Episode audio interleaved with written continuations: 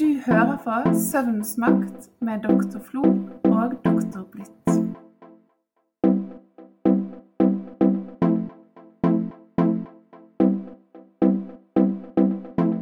Vet du hva jeg har merket meg, Elisabeth? Nå er jeg spent. Det er egentlig litt sånn at eh, de dagene når jeg ikke har eh, sovet så godt, eller har eh, ja, rett og slett hatt litt dårlig søvn, så går jeg og spiser mer. og jeg rett og slett driver på småsmesker, eller hva man skal si, gjennom hele dagen. Søker rett og slett mot særlig energirik mat. Har du det litt sånn? Jeg, jeg, må jo innrømme at hvis jeg virkelig har sovet dårlig, så har jeg lyst til å bare krype under et teppe og så drikke litt kakao. Det, det kjenner jeg absolutt på. Og dette er jo veldig vanlig. At man ønsker å spise mer mat, og også mindre sunn mat når man har sovet lite. Så det er jo ikke særlig sunt, det, da. Nei, det er jo ikke det. Eh, det var jo rett og slett så ble jeg veldig nysgjerrig på hvorfor er det sånn, egentlig? Hva er det som skjer med oss når vi er litt eh, søvndepriverte og søker mot mer kaloririk mat? Hva, hva, er sammenhengen her? Ja, og hva er egentlig risikoene? Eh, for det, nå, nå, vet vi jo da at hvis man da øker eh, sultfølelse og man øker eh, lysten på usunn mat, så er jo det en del risikoer som, fører, som, som det kommer, kommer med det òg. Og da er det da vi kom på å invitere vår kjære kollega Arne Wilhelmsen for rett og slett snakke om dette med søvn og diabetes, og også da litt hvordan søvn kan være en viktig faktor eh, nettopp for å forebygge diabetes. Mm. Så vi er veldig glad for å ha Anne Wilhelmsen eh, med oss i dag. Velkommen, Anne. Tusen takk, veldig hyggelig å bli invitert. Det var bra du eh, kunne komme. Og så tenker jeg, for du er jo da altså psykolog, og så har du tatt doktorgrad i, en innen søvn, jobbet med søvn i mange år, og så driver du også den som heter Søvnskolen på Bjørgvin eh, DPS, og nå har jo du til og med fått midler fra Damstiftelsen for å drive med forskning på nettopp det. Så du er jo rett og slett en skikkelig søvndame. Ja, det vil jeg si. Absolutt. det vil jeg si. Men så samtidig så har du denne her armen da med at du har jobbet mye med både informasjon og formidling og, og fag eh, innen diabetes. Og du kan fortelle litt hvorfor, hvorfor, diabetes, Anne? Ja, hvorfor diabetes? Jeg har jo type 1-diabetes selv. Mm -hmm. eh, så det var jo lenge jeg kanskje ikke var spesielt eh, interessert i å snakke så mye om det når jeg var yngre. Men så skrev jeg hovedoppgave om barn til foreldre med type 1-diabetes. Så der begynte interessen min, og så kom jeg inn i en psykologgruppe i 2006 eh, som nå heter Faggruppe for diabetespsykologi i Diabetesforbundet, der vi jobber med psykologiske utfordringer knyttet til eh, livet med diabetes. Så jeg har egentlig vært mye inne i det eh, og tett, eh, har tett samarbeid med Diabetesforbundet og hatt det egentlig i mange, mange år. Hm og synes det er veldig spennende eh, hvordan man kan bruke psykologi for å leve bedre med diabetes. Og så har jeg jo funnet ut etter hvert at eh, søvn og diabetes det også har en link. Så det mhm. er jo det vi skal snakke om i dag, og det er jeg veldig glad for. Har du lyst til eh, å gi oss en liten sånn eh, liten kjapp innføring Arne, i hva diabetes er for noe? Litt kjapp, kort versjon. Mm. Altså Type 1-diabetes eh, først da, det er jo fravær av insulin. Sant, at cellene i bukspyttkjertelen som produserer insulin, de blir ødelagt, holdt jeg på å si. Eh, destrueres, og så produserer man ingen insulin selv, så må man tilføre all insulin. Eh, og det går ikke an å ta eh, holdt jeg på å si, via munnen, det må man ta stikke gjennom huden med pumper eller sprøyter. Mens så har du jo dette med type 2-diabetes, som er, også heter diabetes, sant, men som er en litt annen sykdom men der man heller kaller det en insulinmangelsykdom. Så de som har type 2-diabetes, de har egenproduksjon av insulin, eh, insulin, men de enten produserer ikke nok insulin til å dekke på en måte kroppens behov, eller insulinet virker ikke like godt i kroppen deres. Så de kan også få høyt blodsukker, eh, og da må de bruke medisiner. De, de kan jo ta medisiner oralt på en måte via munnen, som da kan hjelpe kroppens insulin til å virke bedre. Og så er det også noen av de som trenger ekstra tilførsel av insulin under huden. Var det en kort og grei gjennomgang? Det var en eh, kjempeflott eh, forklaring. Og så er det litt viktig i denne sammenhengen at i forhold til hvor mange, altså prevalensen i de to ulike gruppene, det er to veldig ulike sykdommer, tenker jeg. Ja, absolutt. Og prevalensen for type 1, det er relativt få som har dette. Ja, det er vel sånn 0,4% så ca. 28 000-30 000 i Norge eh, som har type 1. Og så det vel, regner vi jo med sånn 250 000-300 000 som har type 2. Så det er ca. 4,6% av befolkningen. Eh, og så er jo det viktig i denne sammenhengen her å også tenke på hva som er assosiert sånn som type 2-diabetes, så hva det gir økt risiko for i forhold til andre helseskader. For det er jo derfor det er litt viktig at man er obs på å holde en god blodsukkerregulering. Sant? Og da er jo det den sammenhengen sentralt med ulike kardiovaskulære sykdommer, eh, hjerneslag og hjerteinfarkt. Og så får man jo også skader i disse små eh, blodkarene knyttet til øyet eh, og føttene med mer. Sant? En god del for sårutvikling. Mm. Det tenker jeg er litt viktig å løfte fram, at man ser at det har en rekke følge konsekvenser. Ja, Det er jo det med alle disse det man gjerne kaller senkomplikasjoner, på en måte, mm. som er det litt sånn uh, skumle kanskje med det. Som man helst vil unngå, mm, hvis man kan. Mm. Men søvn og type 2-diabetes, hvordan henger dette sammen, Anne? Ja, hvordan henger det sammen? Det er jo kanskje de mest kjente risikofaktorene sant, for type 2-diabetes er vel mer dette her med sant, Det er jo kosthold kanskje man tenker aller mest, og media har i hvert fall en, en viktig rolle der i å få folk til å tro at uh, det bare er mat uh, det er snakk om, eller bare mat og mosjon. Så det er på en måte litt sånn altså Det tradisjonelle er jo litt sånn inaktivitet, stillesitting og at man kanskje ikke spiser det beste kostholdet. Men så tenker jeg, jeg har veldig lyst til å si at det er jo ganske mye gener også, sant? det vil jeg jo si. Mm. Uh, og at det er veldig mye skam knyttet til type 2-diabetes. Jeg tror det er veldig viktig at vi, uh, vi tenker at um, det er ikke sånn at man nødvendigvis spiser seg til type 2-diabetes, men man kan ha en genetisk sårbarhet som gjør at man må være ekstra nøye, kanskje. De som allerede har en sårbarhet. Men det er ganske mange jeg har truffet i hvert fall, som både er ganske aktive, går mye tur, men også virkelig gjør det de kan for å spise sunt og godt, men som likevel får type 2-diabetes. Jeg tenker det er bare viktig at vi at vi løfter det frem òg. Det er kjempeviktig poeng. Det syns jeg er veldig fint at du uh, gjør. Mm. Og så jeg tenker, Kan vi fjerne skammen, så hadde det vært også veldig bra. mm. Men så var det dette med eh, sant, at kanskje litt sånn stress, søvnmangel. Sant? Stress og søvn kan jo henge litt sammen, men at det å sove lite eller dårlig over lang tid, det mener en del søvnforskere faktisk eh, at kan være en like stor risikofaktor for å utvikle type 2-diabetes som dette med kostholdet og inaktivitet. Og det snakkes jo ikke så veldig mye om i media. Det er underkommunisert, for å si det mildt. Det er det. Og det syns jeg er spennende, for da blir det også litt sånn Sant? Hvis man f.eks. har hatt en veldig stressende jobb eh, og sovet lite over tid, så kan kanskje det være vel så mye. Det er på en måte kanskje lettere å tenke at jeg kanskje fikk type 2-diabetes fordi at jeg har hatt en stressende jobb eller, eller gjort, ja, sovet litt lite over tid, enn at jeg på en måte har vært for lite aktiv eller spist for mye usunt. Um, og så vil jo på en måte alle disse tre litt sånn virke inn på hverandre, sant? som dere allerede var inne på. Sant? Ja, for det tenkte jeg jo på, at det, for det, du snakket om søvn og diabetes, så tror jeg liksom intuitivt, uh, i hvert fall en del av oss søvnforskere, tenker jo nettopp det at uh, sånn som vi sa innledningsvis òg, at hvis du sover lite, så er jo også det en kortere vei til en mer usunn livsstil. Uh, så det er vel, det, det er vel en, en, en, sak der òg, da. Men det er, ikke, det er ikke den eneste mekanismen, gjerne. Altså, det jeg har på en måte lett meg frem til, da, det er jo at når vi sover for lite, uh, så får vi mer av dette hormonet grelin og mindre leptin. Mm. Og grelin gjør oss sulten, og leptin gjør at vi føler oss mett. Sånn at det som på en måte driver oss til å småspise da, når vi har sovet lite, det er gjerne at vi har mer av et hormon.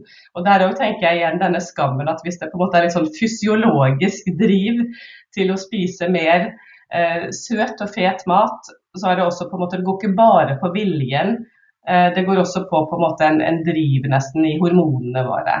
Og så tenker jeg at jeg har i hvert fall altså Det er jo bare en teori, da, men at hvis du tenker på en måte før i tiden, sant, når det var hungersnød sant, eller det var lite mat, og du må, kanskje måtte bruke mer tid i døgnet på å få i deg mat, og kunne på en måte måtte nedprioritere søvn, så var det viktig da å på en måte lagre denne søte og fete maten. sant?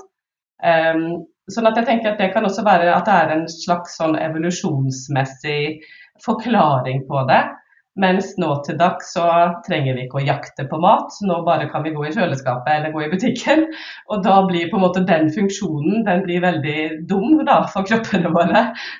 Det er jo egentlig som mye stressforskning altså, også, at dette med, dette med å mobilisere er kjempefint hvis du skal løpe av gårde på en slette med en løve etter deg, men, men du, det er ikke nødvendigvis når du sitter i en kø i en bil.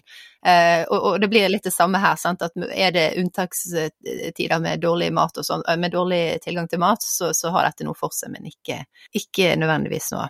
Nei.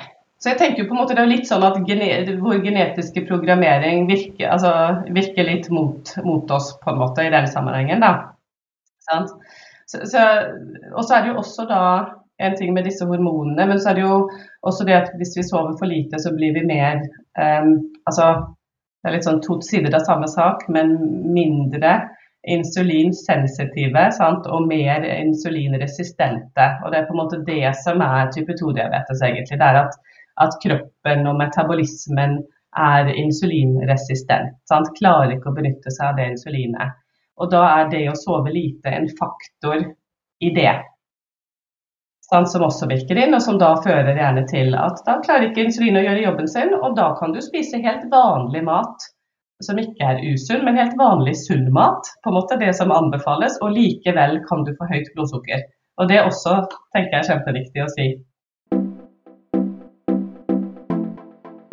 Det som du på en måte egentlig peker litt mot her, er jo at søvnmangel sant? det svekker jo da kroppens evne til å regulere blodsukkeret på sett og vis, og kan da være en faktor som da fører til, til diabetes. Hva tenker du egentlig eh, at denne kunnskapen på en måte, Hvordan kan vi nyttiggjøre oss av den kunnskapen egentlig på sånn individnivå og også på samfunnsnivå?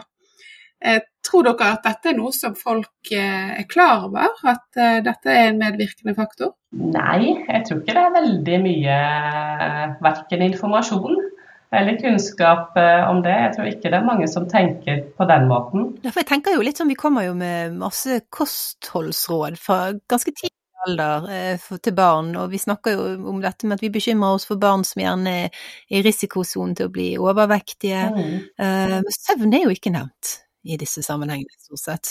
Nei, og det er jo det der som vi vet, sant, at søvn legger på en måte grunnlaget. Sant? Og det er jo også veldig vanskelig å være fysisk aktiv, og det er vanskelig å ta gode eh, valg når det gjelder mat, hvis du har sovet dårlig. Sant? Så det er på en måte noe med at hvis du har den plattformen litt sånn i bunn, så vil det være lettere både Det jeg tenker, at det er både lettere å kanskje spise på en måte faste måltider hvis du har en fast rytme på søvnen, en fast døgnrytme så er det mer forutsigbart på en måte både når du blir sulten, når du spiser, og så mer forutsigbart når du er, liksom, har energi til å være aktiv. Eh, så det liksom veldig mye bygger på da, den natten sant? Hvordan, den, hvordan søvnen har vært. Og, og, er den på en måte god, så vil det være lettere å ta gode valg i forhold til de andre tingene. Og dette synes jeg er veldig, altså for denne reguleringen, det, det, det er litt sånn alt har noe å gjøre med alt, egentlig når det kommer til kroppen vår, og disse funksjonene som, som henger, henger, sammen her. Men så er det jo òg det, for typiske søvnhygieneråd, er jo dette med at både det å spise tung og mye mat før du legger deg, og det å spise for lite før du legger deg, kan også føre til dårlig søvn. Så, så, hva man spiser igjen, påvirker søvnen. Men så lurte jeg på, hvordan er det med, med, diabetes? Kan det også være med på å gjøre at det er vanskeligere å sove godt? At det blir en sånn ond sirkel nesten? Ja, altså det er jo klart at ved type 2-diabetes, altså hvis det er liksom det vi fokuserer mest på, da, sånn, så vil jo man Det er jo selvfølgelig noen som ligger noenlunde innenfor normalområdet for blodsukker. og Det er liksom viktig å si at det der normalområdet for blodsukker er så utrolig smalt. Utrolig snevert. Sånn. sånn at det på en måte ligger litt grann utenfor, litt grann for høyt, det kan føre til en del symptomer i kroppen. Eh, som f.eks. så produserer jo vi mer urin når vi har høyere blodsukker. Um, det, da, um, og det å måtte tisse om natten f.eks. Det vil jo gjøre at man våkner oftere, får kanskje mer oppstykket søvn. Eh, og det kan bli ganske sånn påtrengende. Det er litt sånn litt høyt blodsukkertissing. holdt på å si, Ganske annerledes enn eh, holdt på å si, det å bare måtte tisse av vanlige årsaker. Så er det jo også sånn at det, det gir også litt høyt blodsukker, gir også litt sånn tørr munn. Eh, og veldig høyt blodsukker gir liksom bomullsfølelse i munnen, sant? som gjør gjerne at du blir tørst. Så drikker du, og så Ja, sant? så det blir jo en sånn effekt i det òg, at du absolutt kan få forstyrret søvnen bare i seg selv av det kanskje litt høye blodsukkeret, men også litt lave blodsukkeret. Har man på en måte medisiner som gjør at man blir ekstra insulinsensitiv, og så blir blodsukkeret litt lavere. Det skjer jo også med de med type 2-diabetes. Eh, så kan man bli litt sånn shaky og, og, urolig i kroppen, og da er det også vanskelig å sove. Så dette er en hårfin balanse mm. for, for, de som da har diabetes, for å i det hele tatt få Absolutt. en god natts søvn. Uh, og det er jo, uh, jeg tenker en uh, situasjon der det egentlig det, det, er jo en sykdom som man hele tiden må hva skal jeg si, ikke administrere, men man, man må liksom hele tiden vedlikeholde den. Så jeg kan jo også tenke meg at det å sove dårlig påvirker vel gjerne ens evne til å følge godt opp eh, egen helse òg i en sånn sammenheng. Ja, og jeg tenker igjen så vet vi jo det at lite søvn kan føre til depressive symptomer og angstsymptomer og alt det der. Sant? Og det òg er jo en økt forekomst av depresjon og angst hos de med, med diabetes både type 2 og type 1. Uh, I tillegg? Så, så det, er det er nok veldig mange faktorer som virker inn på dette. Men man har man eh, depressive symptomer eller er man deprimert, så vil det jo i hvert fall også bli veldig vanskelig på en måte å hva skal jeg si, Da tar man gjerne ikke de beste valgene for seg selv. Man blir kanskje ikke veldig omsorgsfull overfor seg selv. Eh, og det er lettere for å kanskje tenke litt sånn bare Ja, man kan få litt sånn følelse av å gi litt opp, bli litt motløs og tenke at uansett hva jeg gjør, så spiller det ingen rolle, så jeg kan like så godt bare ja, gjøre det eller gjøre det, eller bare ikke tenke så mye over det. ja. Så det er mange faktorer her. Jeg tenker jo eh, litt interessant òg, for eh, eh, vi har jo sett nå at særlig unge i dag sover mindre enn det de gjorde før. Mm. Og så er jo det òg en, en, bekymring i befolkningen nettopp for økning av overvekt og, og livsstilssykdommer. Så jeg tenker igjen, litt som vi har vært inne på, eh, er, er, bør vi være, passe ekstra godt på disse ungene og tenke at uh, dette med å få nok søvn blir, eh, blir, viktig. Og, hva tenker du om det, Anne? Jo, eh, absolutt. Jeg tenker det er så mange ting vi, må, vi burde liksom fått ut der. Og så tenker jeg, jeg har bare litt lyst til å si òg at eh, for det der med å regulere blodsukkeret og jeg tenker altså det, det er jo det der det, altså, men, og også spesielt for de som har type 2-diabetes, men også kanskje en sånn generelt når man ikke har diabetes, så er det jo viktig at dette insulinet får gjort jobben sin. For dette insulinet, Alle har jo insulin. Eh, mens de som ikke har diabetes, de trenger ikke å tenke på dette insulinet. Eh, men det er jo et utrolig viktig hormon. og det er faktisk sånn at eh, altså Hvis du har null insulin i kroppen, så er det på en måte nesten verre enn å ikke spise og ikke drikke. Du kan dø ganske fort av ingen insulin. Så insulin er jo et livreddende hormon. Og så tror jeg jo kanskje en del av altså med, med, alle disse E-stoffene og alt, all denne tilgjengelige maten, um, så er det jo noe med at vi kan altså Det er mye som kan gjøres litt insulinresistente selv om vi ikke har diabetes i. Sant? Både det med det kostholdet vi har generelt sett, sant? mer, mindre aktivitet, mindre søvn. Um, og selv om man ikke nødvendigvis har diabetes, så er alt, alt det der det, det, hjelper ikke akkurat kroppen vår til å ha det bra på et vis. Sant? Um, og, så jeg tenker det der å på en måte hjelpe istedenfor liksom å tenke at vi skal regulere blodsukkeret, som jo er bare et resultat, på en måte. Um, så er det jo egentlig å hjelpe uh, kroppen til å på en måte være insulinsensitiv. Og da er det jo det å sove godt vil hjelpe kroppen til å være insulinsensitiv. Det å bevege seg, og gjerne sånn type sånn hverdagsaktivitet. Gå til skolen, eh, jobbe i hagen. Eh, ikke nødvendigvis trene. Sant? Altså trene et par, to-tre timer i uken og så være i ro resten. Det er jo kanskje ikke så bra, men er man på en måte bare generelt aktiv jevnt over, så vil det være mye bedre for kroppen eh, og, og, hjelpe insulinet til å virke bedre. Eh, og da er det også liksom hvilken mat gjør at vi kan hjelpe insulinet til å på en måte virke i kroppen. Um, og da er det jo i hvert fall litt sånn her, typisk litt sånn denne her, den maten Det er jo mye sånn populært det der, den maten vi kan se hva er, er jo ofte et lite triks. sant? Mm. og, og, ofte liksom mindre karbohydrater, men det er selvfølgelig disse raske karbohydratene med sukker og sånn som på en måte er kanskje det verste for uh, insulinsensitiviteten. sant? Men um, ja, så det er på en måte hvordan kan vi hjelpe kroppen til å benytte insulinet bedre? Det er i hvert fall sånn jeg tenker når jeg jobber som psykolog med, med, de som har type 2-diabetes, så er det en lettere måte enn nå skal jeg spise sunnere, sove bedre, trene mer, sånn at jeg får ned blodsukkeret. Det er jo ofte ganske uoverkommelig for mange. Det er jo litt fin eh, framing her, Arne, for det, det handler jo egentlig om særlig ivaretagelse. Og da er det ikke nødvendigvis å pushe seg. altså Nå vet jeg at du nettopp løp et maraton, uh, så, så det men, eh, men, men, det er ikke nødvendigvis det. altså Det er jo supert det òg, tenker jeg, sant? å trene og sånn, men det du sier her er Det er ikke nødvendig å gjøre det. Det er ikke nødvendig å gjøre det. Mange små, mange små gode ting som til og med kan være litt hyggelig å gjøre. Og det å sove er jo også ganske hyggelig å gjøre, vil jeg, vil jeg si si. Men det, det, er denne snille. Du er litt snill med deg selv. Og stabilitet, da, sånn som jeg hører. Altså det å ha en stabil eh, livsførsel, men kanskje ikke de største toppene eller de største bunnene, på sett og vis. Mm. Men ivareta seg sjøl gjennom jevn og kontinuerlig aktivitet og moderering, kanskje, da.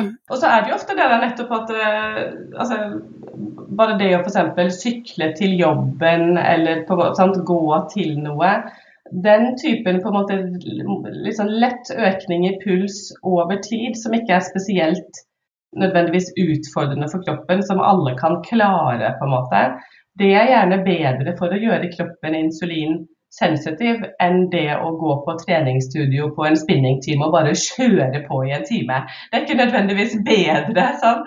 Så det er på en måte utrolig viktig å ikke glemme. Det er jo sånn, sånn litt sånn klisjégreie, men den der hverdagsaktiviteten Eh, og spesielt ved type 2-diabetes så, så, er det jo sånn at da får man jo det direkte på en måte informasjon, hvert hvis man måler litt blodsukker eller noe, har noe sånn, så kan man på en måte se at oi, ja, det, det, skal ikke mye til av bevegelse før eh, kroppen klarer å benytte seg av insulinet, og blodsukkeret kanskje som en, et resultat av går litt nedover. Så det tenker jeg at Har man type 2-diabetes, så eksperimentere litt med sånn litt sånn ikke veldig høy puls, men litt sånn rask gange-type puls.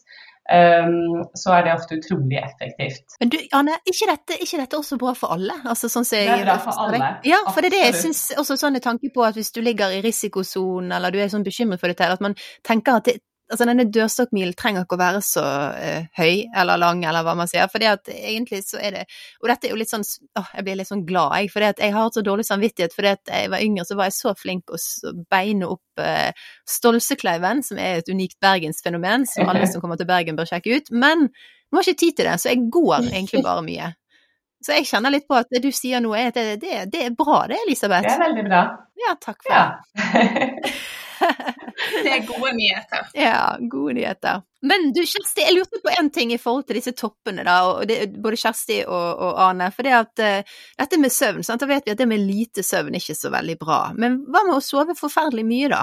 I forhold til diabetes og sånn. Du nevnte en studie der, Kjersti. Ja, altså dette med søvnlengde da, og risiko for type 2-diabetes. Har du sett noe på det, Ane? Altså, det går jo rett og slett på dette med for lite søvn, sant? men hva med de som eh, sover for mye igjen? Hvordan er den risikoen? Nei, Jeg har ikke sett noe spesifikt på det, men jeg tenker mer generelt så er det jo ofte det at det er på en måte både for lite og for mye søvn er jo ofte forbundet med økt risiko for f.eks. sykdom. sant? Så jeg antar jo at det sikkert er litt det samme der.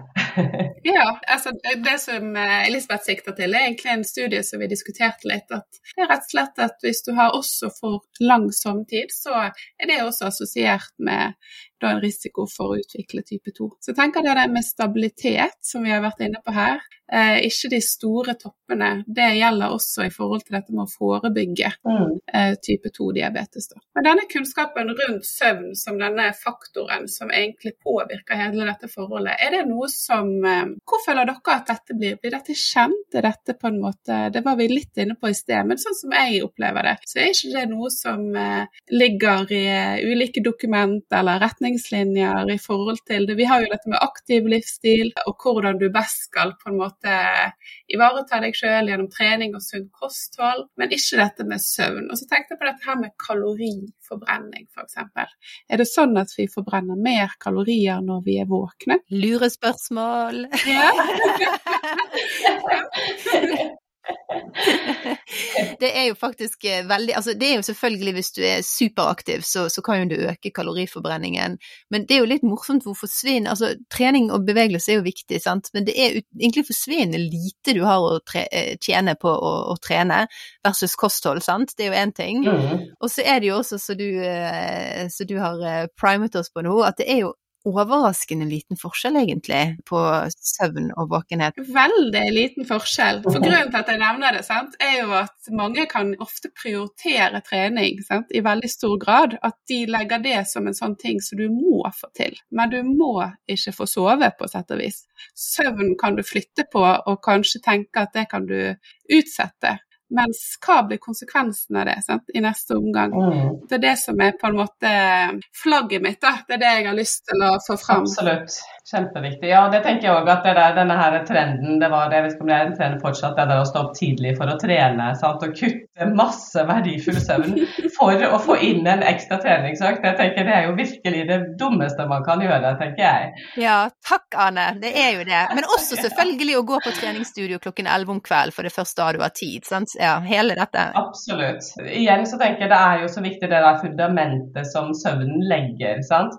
Um, og så er det jo selvfølgelig ikke alle som kan bare bestemme seg på en måte for å sove så mye som uh, sant? Men da er det det å liksom ha gode rutiner. sant? Um, men så jeg vil jo også bare si det sant, i forhold til det å sove mye og type 2-diabetes. Der er det jo også en sånn uh, greie med at hvis man da f.eks. har høyt blodsukker, sant, så kan det også Det blir jo litt sånn egenerfaring.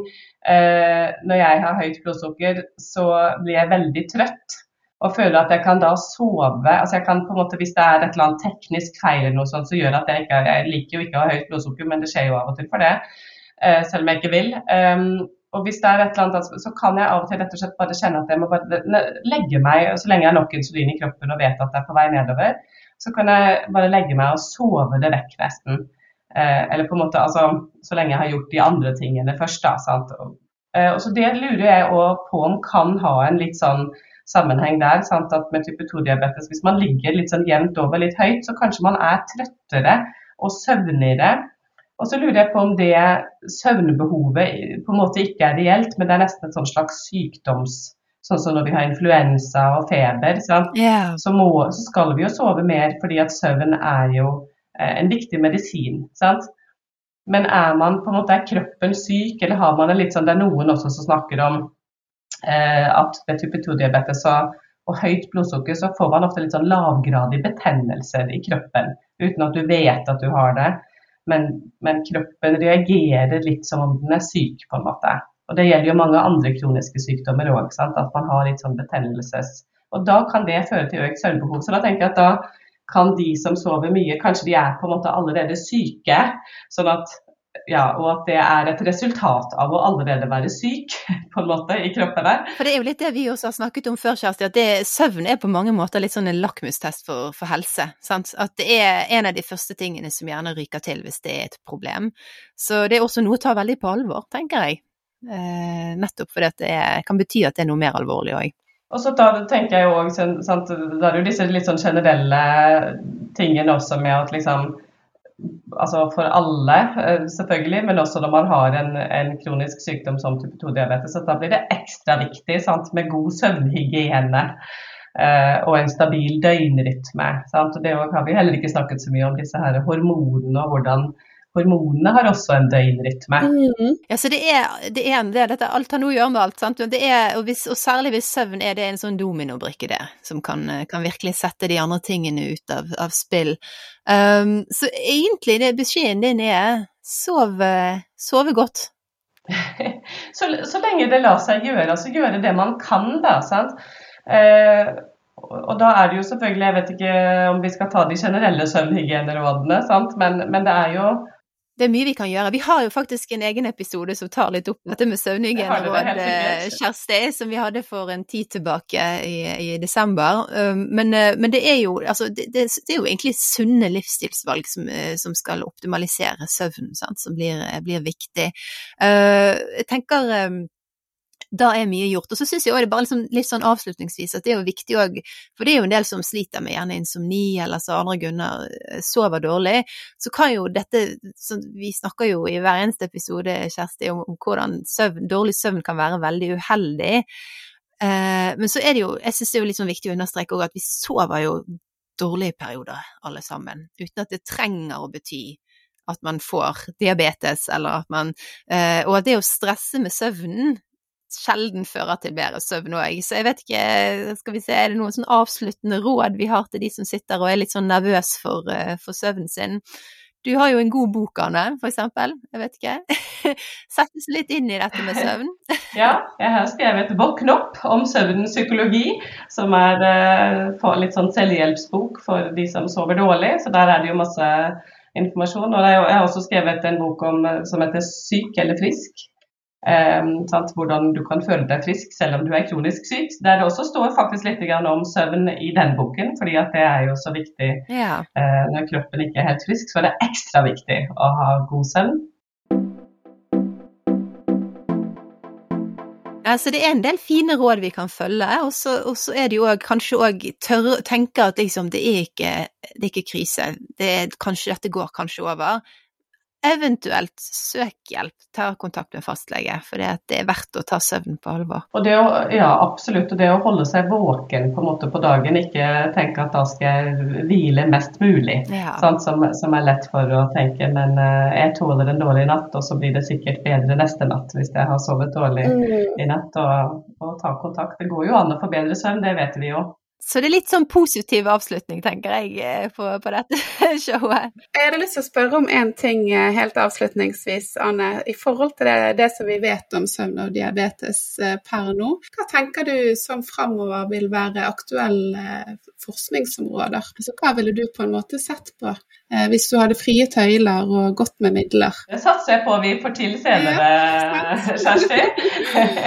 Nei, altså jeg tenker jo å i det hele tatt få søvn eh, og kartlegging av søvn og litt søvnråd og søvnbehandling inn i diabetesomsorgen eh, sånn generelt, det tenker jeg ville vært eh, er like viktig som informasjon om kost og trening. Yeah. Og kan være på en måte en veldig Det er akkurat som det er ikke like eh, skamfullt å sove dårlig som det er å på en måte få beskjed om at du må begynne å trene og du må spise annerledes. Så jeg tenker det ville vært kjempenyttig å kunne gjort masse.